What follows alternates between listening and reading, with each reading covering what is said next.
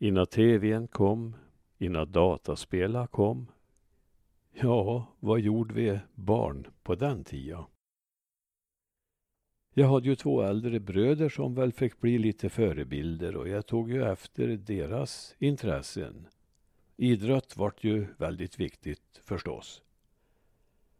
Läsning tog ju mycket tid, både serier och äventyrsböcker. Äldsta brodern Inge, han eh, höll på med DXing och det tog jag efter också och hörde på kortvågsradio. Sen var det detta med autografsamling som vart en stor och viktig hobby. Jag skrev faktiskt en artikel i Värmlandsbygden om autografsamling den 12 juli 2007.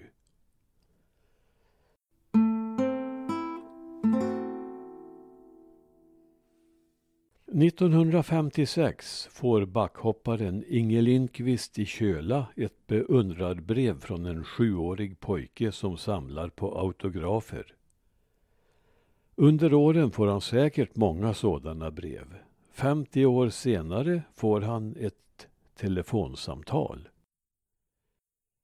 Jag vet inte om dagens ungdom samlar på autografer. Åtminstone inte med samma engagemang som jag och mina kamrater gjorde på 1950 och 60-talen. Min autografsamling innehöll namnteckningar av många av dåtidens mest kända svenskar, även några norrmän. Och den skulle nog ha inbringat en god slant idag om den funnits kvar. Hur som helst, jag gav bort den och nu är den säkert skingrad för vindarna. Jag lärde mig läsa och skriva tidigt, vilket fick till följd att jag ansågs mer begåvad än jag i själva verket var. Men anledningen till min tidiga start var nog den att det inte fanns så mycket annat att göra och jag såg hur mina äldre bröder ofta satt försjunkna i böcker och serietidningar. Eftersom de samlade på autografer började jag göra detsamma. Lite avundsjuka blev nog äldre samlare när de såg hur snabbt min samling växte. Dåtidens kändisar hade svårt att stå emot en liten darrig handstil från en sexåring. Och de till och med kostade på porto för att svara. Jag skulle tro att dagens kändiselit är lite mer svårflörtad. Om jag minns rätt fick jag den första autografen av Lasse Lönndahl, 1950-talets stora sångstjärna på uppgång. Han skickade mig ett signerat foto som föreställde honom själv i en inspelningsstudio. Namnet Enskede fick en alldeles särskild betydelse. Där bodde han tydligen. Sedan droppade breven in med alla de kända namnen. Några skrivna på fotografier. Nils Lidholm, Joakim Bonnier, Ove Törnqvist. Min far var bekant med en skidåkare från Lima som hette Åke Flygar.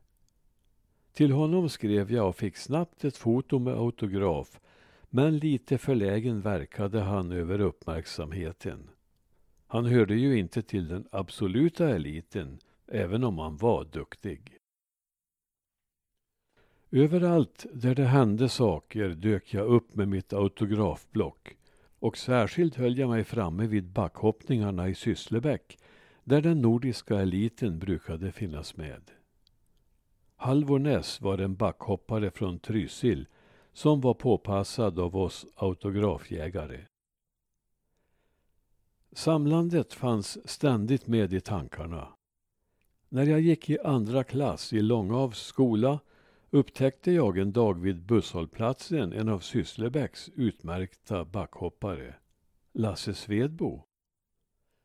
Han hade varit till sjukstugan för ett armbrott, tror jag det var. Och jag glömde genast förbudet att lämna skolgården och sprang till honom med papper och penna. Något generad skrev han sin namnteckning på mitt skrynkliga papper. Jag har påmint honom om detta ibland. En av de autografer jag satte störst värde på var den jag fick av backhopparen Inge Lindqvist i Köla. Mannen som skulle bli svensk mästare och känd för att ha lyckats landa på en skida. Jag skrev till honom som sjuåring och fick snart svar. Inte bara med foto och autograf utan dessutom ett personligt brev.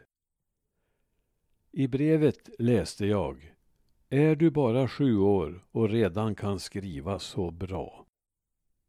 Jag minns ännu hur dessa rader värmde ett sjuårigt hjärta och vilken status det gav mig bland kamraterna.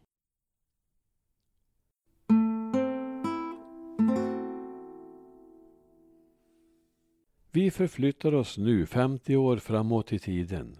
Det är sommaren 2006.